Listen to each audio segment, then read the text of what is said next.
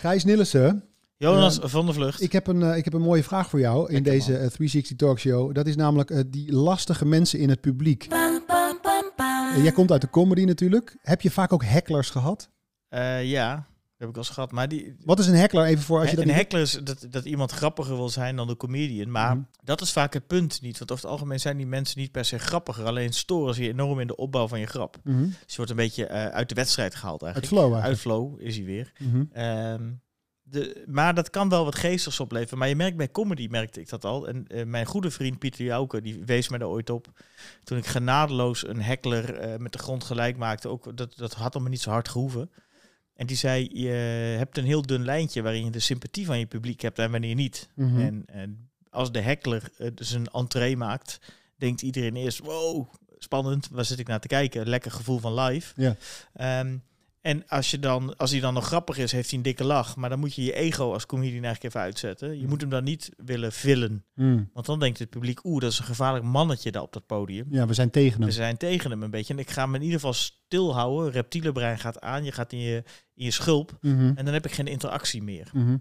Dus heckler is een heel eh, bekend comedy fenomeen, maar het doet zich natuurlijk ook voor tijdens vergaderingen, de usual suspects die het kapen of er gebeurt iets. Ja.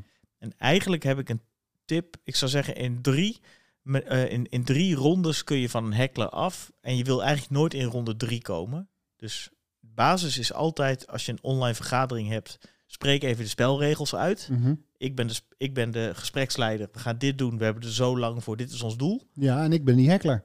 En jij bent die heckler. Ehm, en jij komt er tussendoor. En dan eh, kan ik je allereerst even weer op de spelregels wijzen. Met een hele grote glimlach. Ik, Jonas, leuk eh, dat je eh, al begint over punt 8. Maar we zouden het volgens dit stramien doen. hebben we afgesproken. Toch? Vraagtekentje.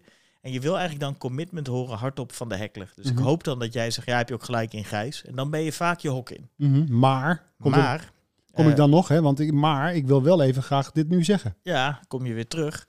Ja, dan eh, moet je toch iets strenger toespreken. En dan, eh, dan zeg je, Jonas, eh, daar ben je weer. Eh, ik, ik ben blij dat je betrokken bent. Hè. Frame het positief, want eh hekkelen is ook betrokkenheid ergens. Maar dit is niet de afspraak. En ik vind het nu vervelend worden voor de rest. Dat is een belangrijke cue die je maakt. Daarmee maak je hem verantwoordelijk voor de groepsdynamiek. Mhm. Vervelend voor de rest dat je de agenda kaapt.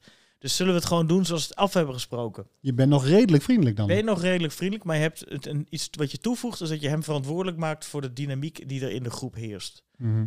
En stap drie, dat is dat je zegt, Jonas, dit is niet de afspraak. Het spijt me heel erg, maar je moet gewoon muten nu.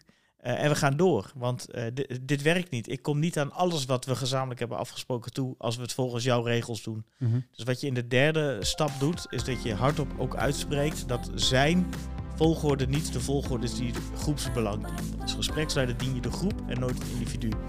Maar dan wordt het al een beetje grimmig. Stap 4 is eh, internet eruit trekken.